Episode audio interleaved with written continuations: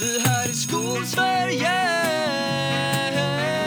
Podden som handlar om den svenska skolan Med Karin Berg och Jakob Mölstam ja.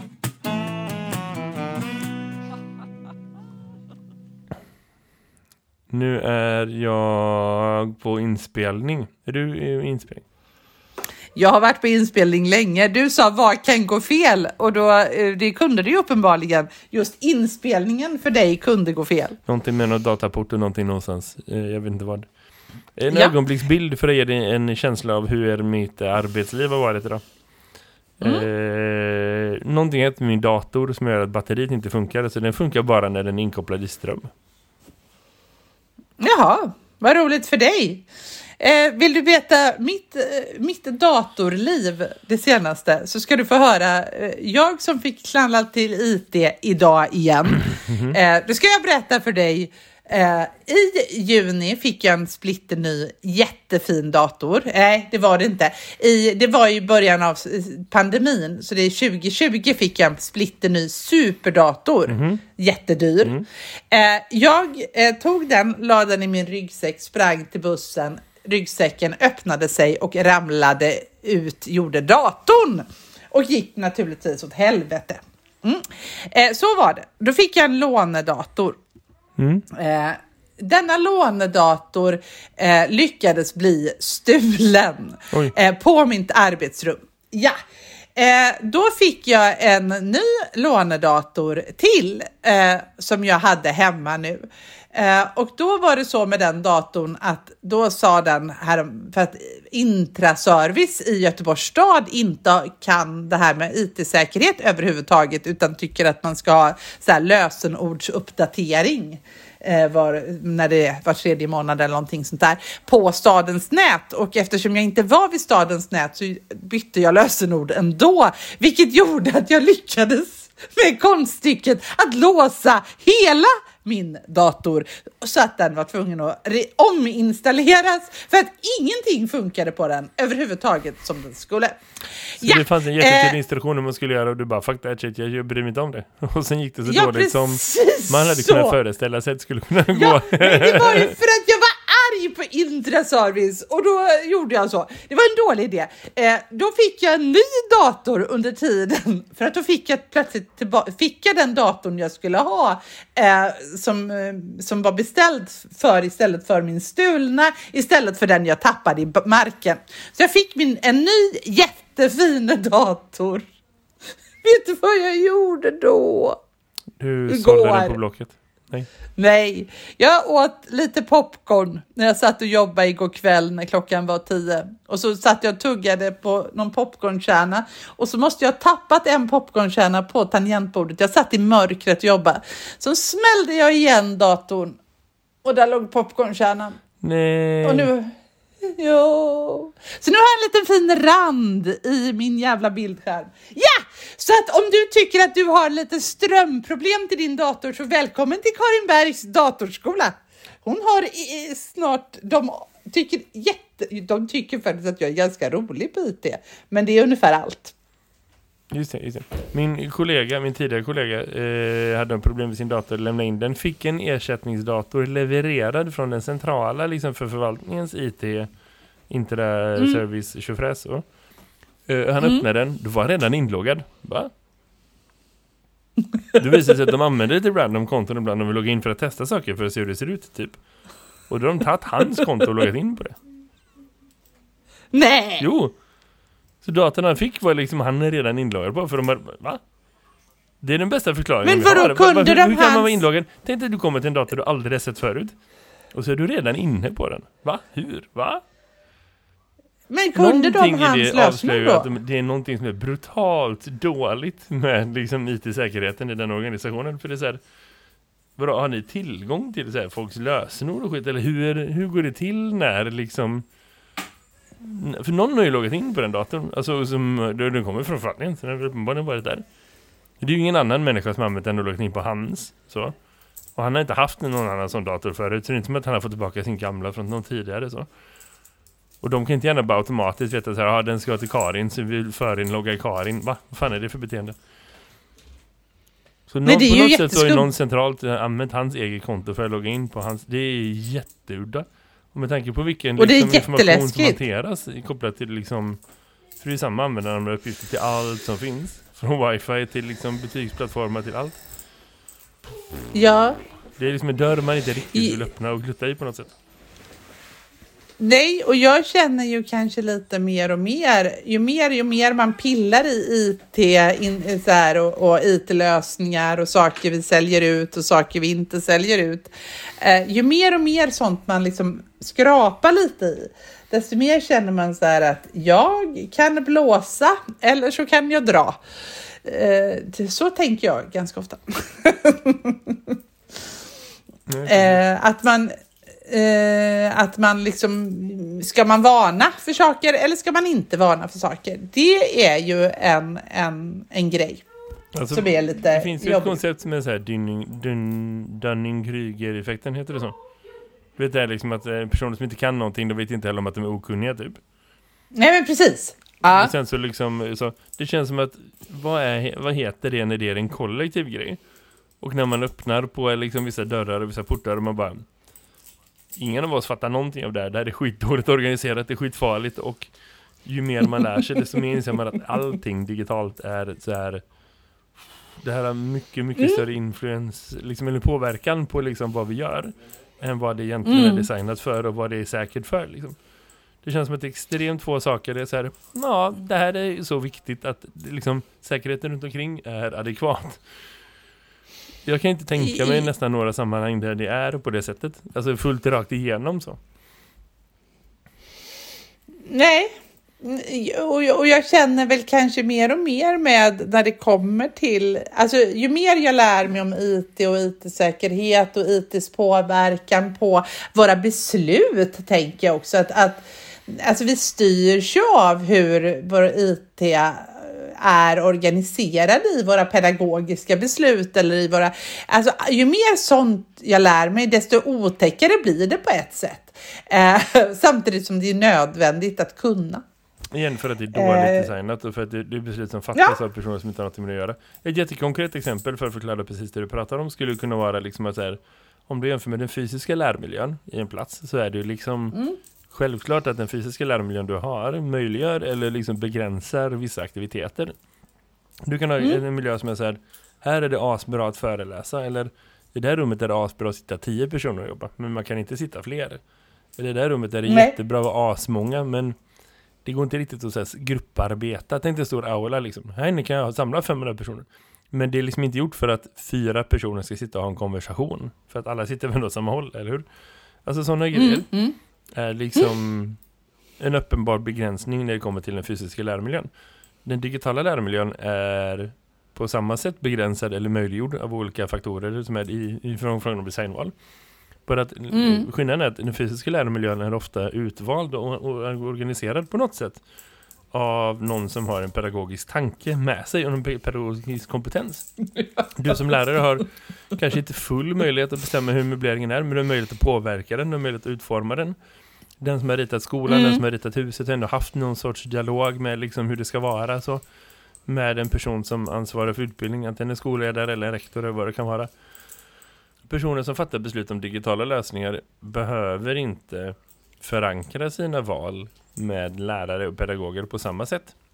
Och det är ofta så att det är en Nej. person som fattar beslut för någonting som påverkar tusen, tiotusen, hundratusen eller miljontals liksom lärare och deras elever av en person. Mm. Och den skalan är inte till mottagarnas fördel. Det är skitmycket enklare liksom som organisatör att bygga ett system som är digitalt och ha in det här på hundra miljoner ställen. Men det är inte som att lärare och elever tjänar på att det är så centraliserat eller så. Inte på något sätt. Nej, nej, nej. Och det, det är ju sådär när man, när man helt plötsligt sitter och, och försöker anpassa sig till Googles plattform och bara, ja, fast jag menar ju inte så här, men nu använder vi det här och man, man får liksom säga sådär, ibland så vill man dela ut en uppgift för att det är väldigt praktiskt att alla får eh, en kopia av mitt papper. Men i Google system så registreras det som en typ ett prov, lika mycket som ett prov som ett vanligt prov till exempel. Och då är det ju för att det är så Google har tänkt att det ska vara. Eh, och det kräver ju en väldigt, väldigt icke alltså en väldigt, väldigt analog diskussion för att förklara det digitala, vilket är ju jävligt störigt. Ja, eller hur?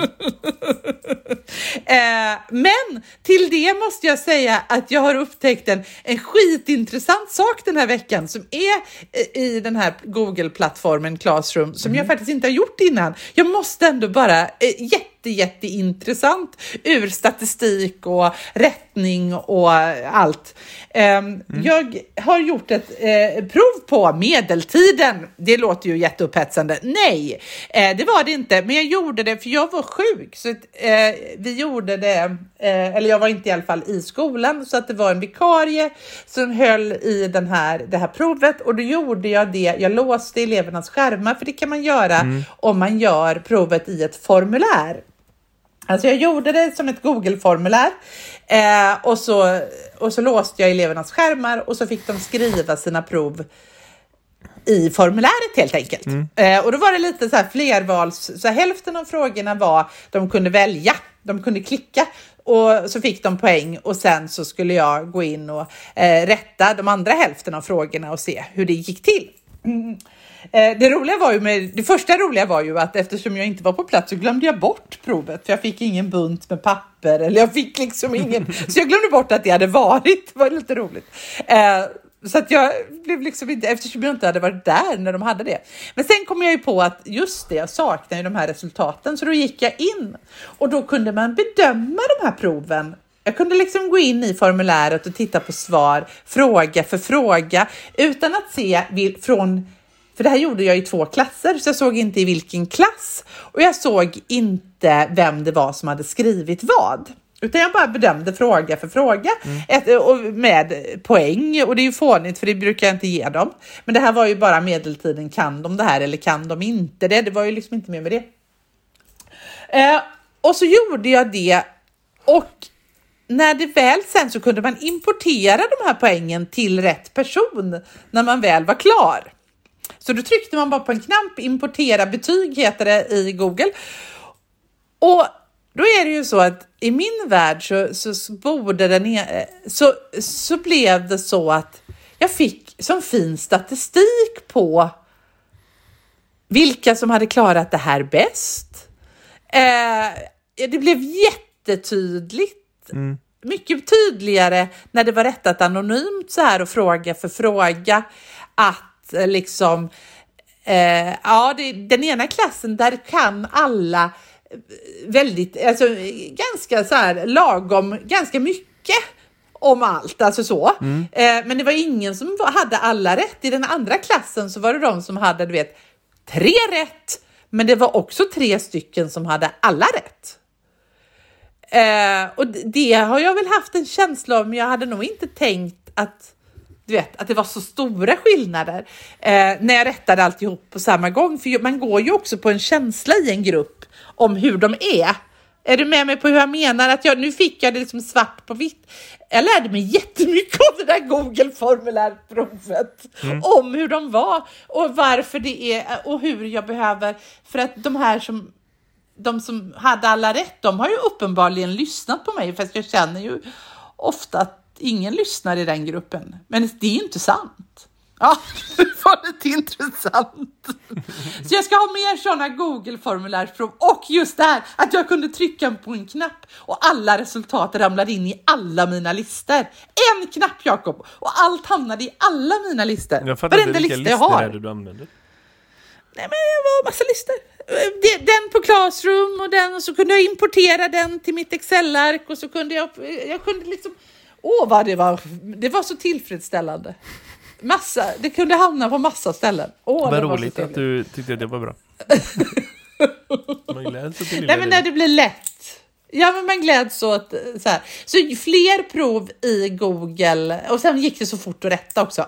Fan, jag rättade ett prov, 60 prov på en och en halv timme. Det var ju ändå värt en öl på fredagen. 60 prov på en och en halv timme, det är bra jobbat. Eller hur? Det är, det är Ja. inte riktigt, men är det du som har rättat det då? Eller är det någon annan som har rättat egentligen? Ja, äh, hälften. Hälften rättade sig självt.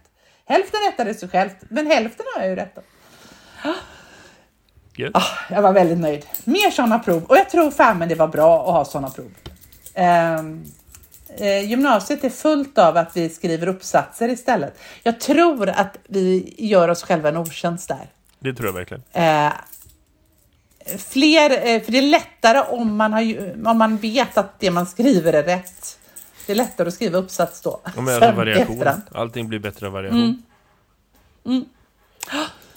Eh, det var mitt lilla eh, lektionstips. Använd Google-formulär kopplat till Google och tryck på importera betyg. Jättebra funktion. Det var säkert så här, det var säkert en sån här slå in en öppen dörr för 90 procent. Men för mig blev, var det väldigt bra. Och rätta fråga för fråga. Åh, och tryck på de här punkterna. Åh, så roligt det var. Och så roligt det var. Alltså herregud. Ja. Det var inte så roligt, men det var väldigt effektivt. Det var roligt. Jag kan inte riktigt, eh, jag bara försöker föreställa mig så här. Den här historien är superrelevant för de som jobbar i den delen av skolväsendet där man eh, har mer provbedömningar och så. Betyg och Mm. sånt. Och, och jag tänker också så här för alla de som håller på med betygssättning just nu. Som är liksom inne i så Mm. skriva på betygskataloger. Ah, panik. Att det kommer en historia där sen som moralen är Åh vad roligt det var att klicka lite rutor här. det, det, De det- det blev lite sådär som, som det finns liksom så här små käcka pedagoger som, eh, i, på olika sociala plattformar som är lite käcka. Jag var en sån nu. Förlåt mig, förlåt alla. Jag lovar jag ska bjuda på glögg en annan dag. Eh, en annan sak som var rolig. Det är liksom boten Eh, du måste göra för att du ja. liksom begick För att jag var- synden av att liksom eh, Var lite bli glad. en av, ja precis, de är som tipsar typ. Jag tipsar om öppna dörrar saker. Skitsamma, jag gjorde det nu och jag tror att någon kanske blev glad. Eh, eh, men, men den andra saken som jag tänkte att som jag har noterat som ändå jävlar. Eh, jag ska se. Jo, förlåt. Eh, jag trodde jag stängde av min inspelning, men det gjorde jag inte. Eh, den andra saken, Jakob, som jag tänkte, eh, så, som, som jag har skrattat lite åt de senaste veckan. Eh, det är ju, eh, och det är nästan en och en halv vecka sedan, men vi har inte pratat om det du och jag. Eh, det är ju, eh, fast kanske det jag har skrattat åt lite, det är ju den, den här grejen att det var ju en stor artikel i tidningen eh, Dagens Nyheter som hade följt den här Barbara Barbara, upp, vad fan heter hon? Barbara, Barbara Bergström. Barbara Mm. Bergström och hennes man Hans Bergström, lobbyisten på Vi DN. Mm. måste som, verkligen som, prata om den här artikeln, den är fantastisk. Den är så fantastisk. Eh, men jag tänker, ja, en sak som jag har skrattat lite åt är ju så roligt att, att de är så inte från denna värld. Alltså, så här, de är ju miljardärer de här två. De, är, de har så mycket pengar att de inte liksom, de kan bada, de är Joakim von Anka eller de kan bada i pengar. De har så mycket pengar har de. Och det roliga är ju att de inte ens, de har så mycket pengar att de inte ens förstår att det är konstigt. Nej. Så det är därför hon kan posera i någon jävla päls och i någon turkos dräkt och en slowkatt och han kan ha världens största sidenslips. Och alltså den bilden som är på dem framför skolan, som, märk väl, de har godkänt. Bilden till den här artikeln har paret Bergström godkänt. De är nöjda med den bilden. Och den måste vi ju nå... Alltså, det, det- är en viktig sak. Alltså, jag tycker det, det, det är ju en sak om man tar en elak bild som inte någon eh, godkänner. Men de har fått godkänna hela innehållet i artikeln. De har fått godkänna det här citatet som gick viralt. Hela den här artikeln eh, börjar ju med att hon städar en toalett, Barbara Ja. Bergström. Eh, och eh, hon tycker ju att det är eh, för att allt förfall börjar i eh, i, på när det blir skräpigt, säger hon i, sin, i den här. Eh, och det kan man väl hålla med om om man vill det. Eh, och sen så när hon tvättar av händerna så tycker hon inte, så torkar hon av sig på fotografens tröja. Hon torkar händerna på fotografens tröja eh, för att hon tycker inte att handdukstorkar duger för henne. Eller du vet sådana här som man torkar med. Eh, och den sekvensen, Jakob, jag tänker att så verklighetsfrånvända är de här människorna som styr en ganska stor del av våra skolor. Så att den sekvensen har Barbara mm. Bergström läst och inte ens kommenterat för de tyckte den var lite check och rolig. De har läst och godkänt den, Jakob. Jag tänker snarare att hon har inte godkänt. Eller hon har inte läst den, hon har bara godkänt det för hon har slarvat. Typ. Det finns ju möjlighet att det har varit så också. Men ändå, konceptet är att det är en helt absurd grej att göra. Och det är självklart, alltså man behöver ja. vara något mediageni för att förstå att det här kommer bli lite konstigt. Särskilt om hela historien är så här, hon ser ut som, är klädd som och beter sig som en skurk i Batman liksom, på något sätt. Och liksom och ja. har den, den liksom beteendet samtidigt. Det är så här, ja nej men vem som helst ska ju räkna ut att det här inte kommer att bli ett fördelaktigt reportage så. Och att det är så här, ja men det är väl fördelaktigt. Så här, jag, jag, tror att det, det, här är så typiskt en person som har en gång haft en smart tanke och som är ganska så här säker i sig själv, apropå så här din grejer För det är så här, du vet, hon är så här eh, väldigt upptagen av hela friskolediskussionen och liksom det, förslag på reformer och utredningar och så. Och är liksom tycker att det är orättvist. Hela rubriken är, det här är ju liksom det visar ju någonstans att hela reportaget handlar om att hon tror att hon ska få en chans att försvara sig och liksom säga att nej men mm. vår skola är bra. Det är en jättebra skola. Det är skitsnack att mm. det skulle vara något problem med skolor som våra. Det är bara bullshit. Det här är liksom den här kritiken är liksom ogrundad för kolla vilka bra skolor vi har. Och att man då går runt och inspekterar mm. elevernas utrymmen för att få elevernas perspektiv. För att liksom varje gång det kommer mm. en viktig människa till en skola så är det aldrig någon av dem som ser det eleverna egentligen ser. Så. När jag gick i gymnasiet så var jag inbjuden på någon märklig liksom, turné i baltstaterna där vi höll på med så här, föreläsningar om, det var något EU-projekt, jag vet inte vad, om så här, elevdemokrati och mm. grejer. Och det var så här, vi fick göra jättefina besök och det var något så EU-statsbesök, det var inte statsbesök men det var så här, oh, besök av EU, det kommer hit massa människor från oh, andra länder, oh. Och liksom eh, baltstater som var nya med i EU och väldigt så här, taggade på att verka liksom bra länder så. Vi hade runt oss på alla möjliga olika skolor mm. och så. Och det var liksom, idag ska ni äta lunch på den här skolan, då stänger de matsalen för alla andra elever för att vi ska äta där. Man bara, va? Alltså alla, det är ju ett par hundra barn där som inte äter lunch idag. Vad, vad är det som händer? Det, det var sådana grejer rakt igenom. Eh, och, och, om man liksom har en sån värld och man känner så här, fuck it, jag vill se hur det egentligen är. Så tänker man sig, men jag vill bryta mig fri, jag vill, jag vill se något annat, jag vill se vad som egentligen händer det mest radikala av det är ju så här, gå och inspektera toaletterna. Absolut, det var en bra idé en gång. Men att hon har liksom tänkt att så här, det här kan jag använda istället för att ha en riktig idé om hur verksamheten ska drivas.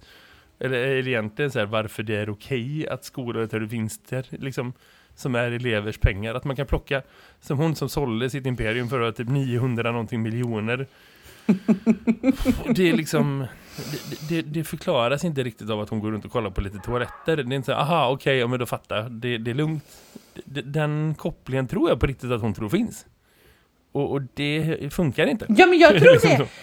Nej, men jag tror att hon, jag tror att hon, jag tror att de har läst, för de, för de, det stod, eh, jag har läst liksom en artikel om att de har fått godkänna, de hade vissa saker som de ville ändra och så. Och jag tror att de tänkte att den här, eh, och, för de bjöd ju frikostet och körde runt de här, den här journalisten och de skulle få visa upp sina skolor. Jag tror på riktigt att de trodde att den här artikeln skulle gör, göra någonting bra för dem. Alltså de, de har liksom i den här eh, miljard eh, världen som de har hamnat i, eller där de, eh, alltså, de är överklass från början och så har de liksom blivit superöverklass mm. sen. Eh, liksom utav de här skolorna. Eh, jag tror någonstans att de, eh, för det säger ju han Hans Bergström någonstans i den här artikeln att ja, men det behövs en eldsjäl som Barbara som verkligen tror på ett koncept och som har sett något som behövs och tillför någonting till svensk skola som inte fanns innan. Jag tror på allvar att de tror att det de gör är fantastiskt och att i och med att de får berätta om det så kommer det att bli ännu större och alla kommer att applådera och vilja ha det här porträttet som finns på, på Barbara på varje skola hemma hos sig själva. Jag tror att de tror det. Jag, jag tror att det är så verklighetsfrånvänt. Eh, I ärlighetens namn. Om man har... Ja, självklart. självklart. Och det, och Ja. det talar jag bara igen för att säga hur Eh. farligt det är att ha ett system som istället för att vara liksom Ja. där det offentliga driver, Ja. där det inte är en person utan där det är skit i värderingar och pengar och vinster och får man ta det inte.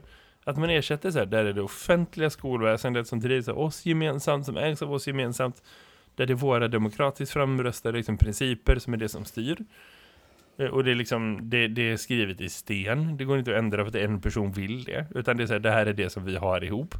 Och som vi utvecklar ihop och som vi har liksom stora, tunga myndigheter som tar fram och som, som liksom utvecklar. Och ja, det går inte alltid det snabbaste i världen, men liksom det sker ändå på någon sorts grund. Och så ersätter man det med en massa skolor som drivs av ja, men vem fan som helst, som jag vad fan de känner för. Ja, det är hon som är lite galen på sitt sätt och tycker att det är asnice att kolla in toaletter. Sen finns det någon annan som är dömd för, eller så här, som är liksom på Säpos lista över liksom personer som är ett hot mot rikets säkerhet. Ja, nej, men de får göra vad de känner för. Jag vet inte, det är nu att en av de här skolorna som är liksom blivit hotade, med, med, eller som har fått alla sina pengar indragna för de har kopplingar till liksom massa extremister och så. De bara, okej, nej men det är ingen fara, vi, vi, vi ska byta inriktning, alla lärare är borta, då ska vi bli en annan skola. Jaha, okej. Och då är det tydligen bra. Alltså att man kan liksom säga hip for hap, vin, vin what, bara "Åh, hit och dit, nej men nu gör vi det här, vi byter till det här, vi gör så här, vi kör det här sen. Det är Ja. liksom, man blir åksjuk och på ett sätt som man inte borde bli av att kolla på saker som egentligen är en del av den offentliga välfärden. Det är lite som att vi bara, "Ja, men i, i den här kommunen så kör vi vänstertrafik. I den här kommunen därför får man bara köra röda bilar. I den här kommunen får man, va? Här får du bara köpa bakdäck. Vad fan är det här? Det är liksom, kan vi inte bara ha ett system? Det känns inte värt att ha ett system där vi har bestämt ihop hur det är. Skitsamma om det är det bästa eller det sämsta, men liksom, det finns en vinst av att det ser likadant ut. Där det inte är någon jävel som bara, nej jag tycker det är så jävla kommunistiskt att köra på vänstersidan så vi ska köpa höger. Bara, va? Det är liksom precis så jävla puckat som skolsystemet fungerar. Om man ser det som organisation. Ser det inte som så här, hur är du en Ja. individuell elevs perspektiv, utan hur är liksom den här myndigheten som hanterar två miljoner människor varje dag. Ja, Ja. det är så stordriftsfördelar Och det är var- inte bara liksom sant. Det är inte som att vi kan bara göra allting på en person på ett kontor som bara, "Vi ska så här. Men att vi liksom har en gemensam rörelse framåt och det är inom de här parametrarna får man agera och sen så anpassar man efter varje skola, varje behov och så absolut. Vi ska inte ha någon sån nordkoreansk, du vet, så här, fyra frisyrer tillåten liksom, metod. Men det kanske inte är så att enskilda människor borde få ha sina egna parallella system som är tydligen vad som helst.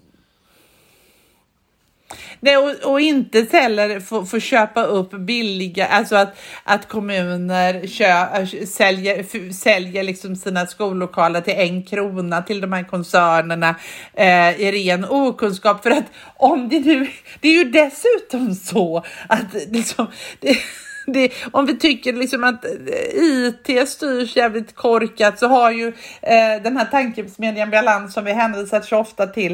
Eh, men men eh, eh, alltså den okunskapen som, som de uppvisar eh, som, som, som tar in de här, bjuder in, önskar att i hälen, i vad heter det, Härryda ju nu så, så har man en överetablering av skolor. Där ber man IES att komma med en skola också. Fast de inte ens fyller sina egna skolor. Det är ju något fel i huvudet på de politikerna. Ja, men politiker har fel i huvudet. Det är ingenting som är något nytt annorlunda. Jag läste en intressant artikel om vad de håller på med just nu i, i, i förberedelse för att man kan förbjuda vinstuttag och så. Som en del av att det finns en politisk grej och så. och det är, jag tror det var specifikt IES, alltså Internationella Engelska Skolan, eh, koncernen som håller på med det. För de har bildat två olika företag, har du talat om det? Det finns numera två delar i IES där det ena är en skolkoncern och det andra är ett fastighetsbolag som äger massa skolfastigheter. Hmm. Känns det här bekant? Eh, de har börjat separera den grejen för att man ska, ska kunna använda Gissningsvis. Och det är väl inte en helt Mm. lång väga gissning. att Man ska kunna ta ut hyra helt enkelt. Så att istället för att IES äger sina egna lokaler så ska man hyra det av Mm. sig själv. Och då kunna ta ut en hyra på hmm, exakt lika många kronor som den där vinsten som de inte Jag orkar inte! Det är så här, om, om hela den här debatten, hela den här diskussionen är eh, liksom 15 år av hmm, är det riktigt okej att möta människan tar ut vinst? Och sen så finns det kryphål som är så stort om man skulle kunna få in Stena Danica på tvären. Jag är inte säker på att det finns någon framtidsutsikt överhuvudtaget för offentlig välfärd i det här landet då. Alltså på riktigt. Jag började det här samtalet med dig Jakob idag och sa att jag skulle bli korrekturläsare istället. Det känns nästan som att jag är där nu. Vad fan! Mm. Jag orkar inte. Kan inte någon bara laga det här jävla hålet? Hallå? Nej, vet, det är helt absurt. Det är klart att det är så. Helt absurt. Ja, det är liksom det är sjukt i huvudet. Hur kan något enda litet parti gå med på det Men här? vet du vad det sjuka är? Hur Jag läste kan- faktiskt en bra alltså- artikel om en bra intervju med hon Linnea Lindqvist, eh, rektorn här i Göteborg, eh, som pratade om den med friskolor Ja. och så, som har blivit Mm. jätteengagerad i de frågorna. Och som sa en väldigt smart grej som jag gått och tänkt på sedan Mm. dess, eh, som handlar om att liksom det största problemet är inte liksom hur de driver skolor, hur de snor pengar, hur de skor sig på liksom sina elever och så. Eh, Det är inte ens det sämsta, utan det sämsta är vad, vilken effekt de här skolorna har på andra skolor. I det att det skapar en Mm. konkurrens, det skapar en, en positionering, det skapar en liksom en, ett, vi och ett dom, det Mm. skapar liksom en urlakning av elever som hade behövts på ett ställe, som hade mått bra av på ett ställe, men också bara att det skapar i allmänhet en kultur som inte behöver finnas skapar där, saker där. gängkriminalitet. Jag ska bryta ner det till en super, super mikrobild. För jag jobbar i en verksamhet Ja. där vi har en vinstdrivande friskola som ligger inom synhåll och som liksom efter ett par år de har inte liksom exakt samma åldersgrupper som vi har utan de har liksom bara vissa årskurser så. Och det finns liksom i vårt område en, en sen i vår skola etablerades en, en liksom förgivettagen sanning i liksom villaområden krasst men det är sant Mm. att liksom den enda vettiga skolan att gå på är den här. Så, så folk ställer sig i kö Mm. från förskoleklassålder eller tidigare liksom. För att få komma in där. Och så har man det som riktning och det är där jag ska gå sen, det är där jag ska gå sen, det är där jag ska gå sen. Säger alla de här. Sen så Mm. går man ändå i blandade områden och det är folk som flyttar in och ut och så. Så liksom det, det finns ett par som har jättetydlig riktning dit. Får man ha, det är vilket som helst. Men vad som händer Föreställ dig det här klassrummet, det här var mitt klassrum idag. För de, de börjar där om ett halvår. Liksom de eleverna som jag har. Några Mm. går dit, några kommer stanna kvar. Då sitter de på liksom, min lektion och pratar om vilka personer de ska önska. För de vet precis vilka som ska börja där och inte. Eller vilka som säger att de ska börja där och inte. Mm. Sitter de och diskuterar sig vilka av sina kompisar de ska önska få gå i samma klass med och inte. Ja, ah, nej men jag vill nog önska den här och den här. Och det är klart jag önskar dig och det är klart du ska önska mig och så. För de här är liksom 10-11 år. Och de är liksom nyfikna Mm. över sin framtid. Och de är liksom i system där de inte är kritiska till systemet. För varför skulle de vara det? De är 10-11 Nej. år. Det är inte deras ansvar. Liksom. De ska inte behöva ta Mm. den, den blicken på sin egen utbildning. Det är inte det de är där för. Men de sitter, ja men om jag önskar det, Mm. önskar du mig? Kan man önska samma person flera gånger? De är liksom jätteupptagna av det. I ett rum Mm. där en fjärdedel av dem har den riktningen. Och de andra sitter kvar och undrar så här, jaha, men varför ska de sluta? Är det något fel på den här skolan? Eller vadå? Vad är det som är liksom här? Det får en katastrofal effekt för vad som händer i termer av undervisning, vad som händer i termer av grupputveckling. För så mycket av undervisning handlar om Mm. liksom att utvecklas som grupp eller så. Det är inte bara enskilda individer Mm. som sitter bredvid varandra, som pluggar material och som kan ställa varandra frågor. Där när man, man bygger upp en kultur där man vågar berätta, de vågar dela med sig, vågar lära sig och så. Det skapar så många frågor om osäkerhet och det kommer att bli så många saker där vi får börja om från början i, i nästa år. När, Mm. när liksom jag vet att en fjärdedel, en tredjedel av, av de eleverna som jag har kommer att liksom utbytta av andra personer, för det är så systemet funkar. Och det finns ingen som helst Mm. vinst i det. Det finns ingen som helst fördel i det, förutom de som plockar ut vinst. Men det är inte den grejen som är problemet. Problemet Ja. är skadan de skapar av att finnas i det här systemet. Mm. Och att det liksom ska vara ett system där man gör sådana resor. Det finns ingen som helst förklaring till att det ska vara på det sättet. Det finns ingenting som är så här, ah, men skolor blir bättre av konkurrens. Nej, det är inte så det funkar. Och det är det riktigt stora problemet. Och ju, ju mer man tänker på det, det är liksom, Barbara Bergsten fattar inte ens det. Hon fattar, ja, här är billiga pengar, hon tror att hon gör någon nytta. Så, alltså, Nej, men problemet är ju att Annie Lööf fattar det Nej. inte heller. Jag är inte ens säker att liksom, alltså vilka är det som fattar det? Eh, För, för saken är ju den att det är Eh, jag tänker så här att skulle vi ta bort friskolesystemet, bara, vuff, så skulle vi märka en jättestor effekt på samhällsnivå. Liksom. Men för de som har valt skolorna innan, de som liksom gick på de här friskolorna, alltså det, det är inte så att de kommer att märka någon större skillnad. Det kommer inte att bli, det är inte där, utan det är ju just det du säger. Det blir mer lugn och ro, det blir inte så jävla ängsligt, det blir inte så hysteriskt, det blir inte så mycket eh, fokus på fel saker. Det, det här har ju, det, det, ser man ju på, på alltså, om vi liksom flyttar över det till en annan värld som folk kanske förstår, som man har varit lite arg på, som folk är lite arga på, det är ju den här akademifotbollen. Där man lyfter ut de bästa när de är 12 år och så ska de spela fotboll någon annanstans, säger man. Eh, eh det, det genererar att alla slutar spela fotboll när de är 14. Istället för att alla spelade fotboll tills de var 17. Jag tycker det är svinkul Det är att du tar ett det exempel en- om fotboll och tänker att det är relevant. Det är mycket möjligt för våra lyssnare. Du har helt tappat mig överhuvudtaget. Jag fattar ingenting. Ja, men alltså, jo, och men jag bryr mig inte, jag vill inte i där så Jag- lyfter det är man- säkert en bra referens. Nej, men jag, alltså så här jag och Jakob. Ja, men det är det för att Nej, men i den här, i, i akademifotbollen, fotboll är en breddsport där man liksom, där de allra, allra flesta spelar för att röra på sig. Det är folkhälsa. Det är liksom så. Eh, men eftersom man då också vill utbilda fotbollsspelare och vi har fotbollsakademier så lyfter man ut de allra bästa och man går och, och våra fotbollsakademier i storstaden går och dammsuger stan på de bästa fotbollsspelarna. Eh, men du- då ska man ju veta att det är att det är jätte, jätte, jätte, jätte, jätte, jättefå som kommer att spela i allsvenskan.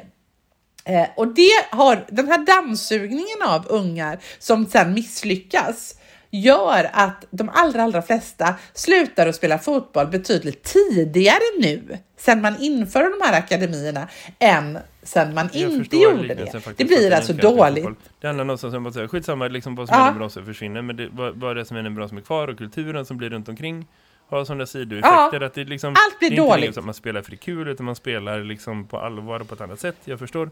Och det där är, är, är Ja. dåligt och så. Eh, Det som är kanske är tråkigt med den liknelsen är att det handlar om att systemet förlorar för att enskilda personer drar. Och om man ska se det utifrån ett perspektiv av en förälder som tror att deras barn är bäst i hela världen. Men det- det- även det- de som drar om man tänker förlorar. sig en förälder som bara, nej mina barn är bäst Mm. i hela världen, skitsamma, jag gör vad som helst, bara mina barn får bästa skolan.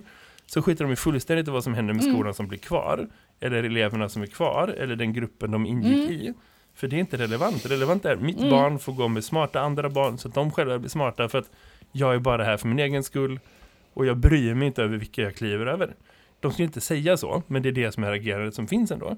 Och, och, och någonstans vad man kan gå Mm. tillbaka till då, är att så här, Gör istället liknelsen till alla de jävla telefonförsäljarna som ringer och vill att du ska byta elavtal. Själva valet i sig är puckat att man ska behöva göra. Nej, jag, vet inte, jag orkar inte bry mig. Ja. Jag, jag, alltså, det spelar ingen roll om jag sparar 20 spänn. Jag vill inte behöva tänka på Mm. det. Sluta ring mig. Ha bara bra avtal. Ge mig bara, ge mig bara den bästa elen. Skitsam. Jag, jag, jag är irriterad att det finns flera olika elbolag. Varför ska jag ens behöva välja?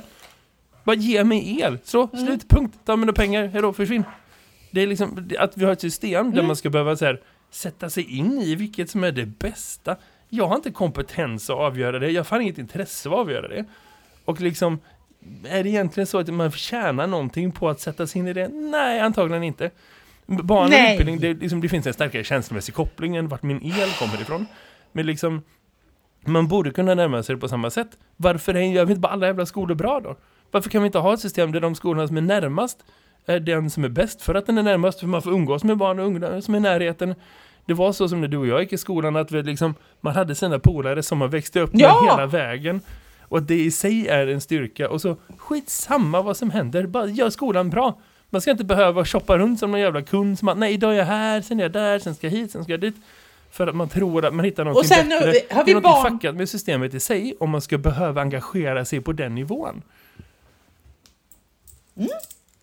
Och då får man de här föräldrarna som vill ha, eh, för att de ska kunna göra val, och då vill de ha kunskapskravsmatriser så de kan läsa av, så de kan avgöra om barnen har förstått vad de ska förstå. Och så känner man så här, att kan inte någon bara låta mig göra Alltså mitt jobb? ingenting blir och så blir det bra. av att man blir den föräldern.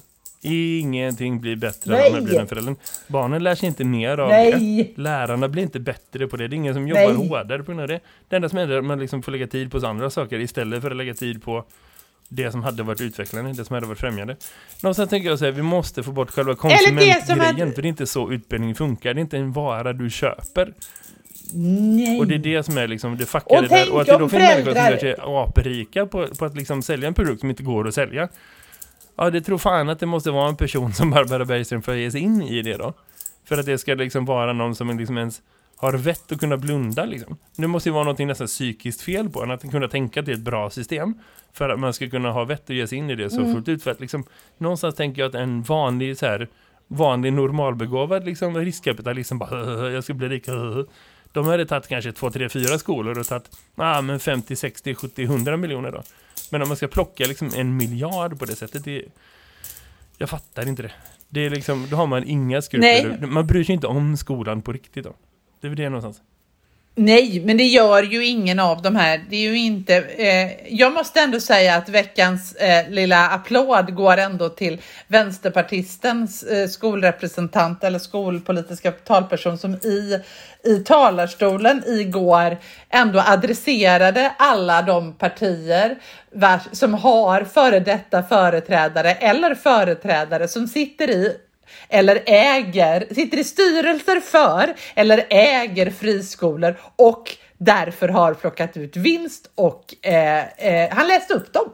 Så fint, alla partier som hade det. Det var väldigt, väldigt, väldigt tråkig lista. Men han gjorde det och han sa att det här, här, det är därför vi har det här systemet. Och jag måste ändå säga att lite heder till honom för att han ändå vågade ta den.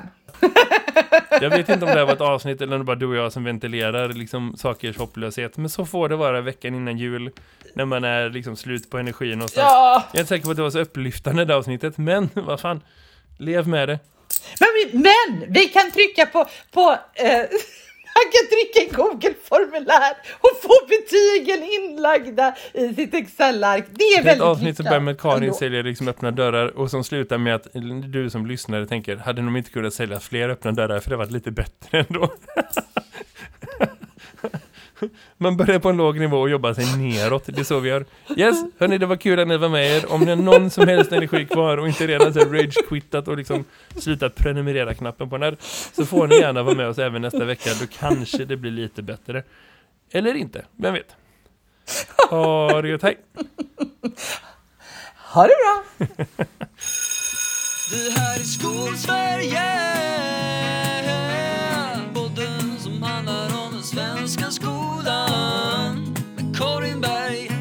Jakob Mölstam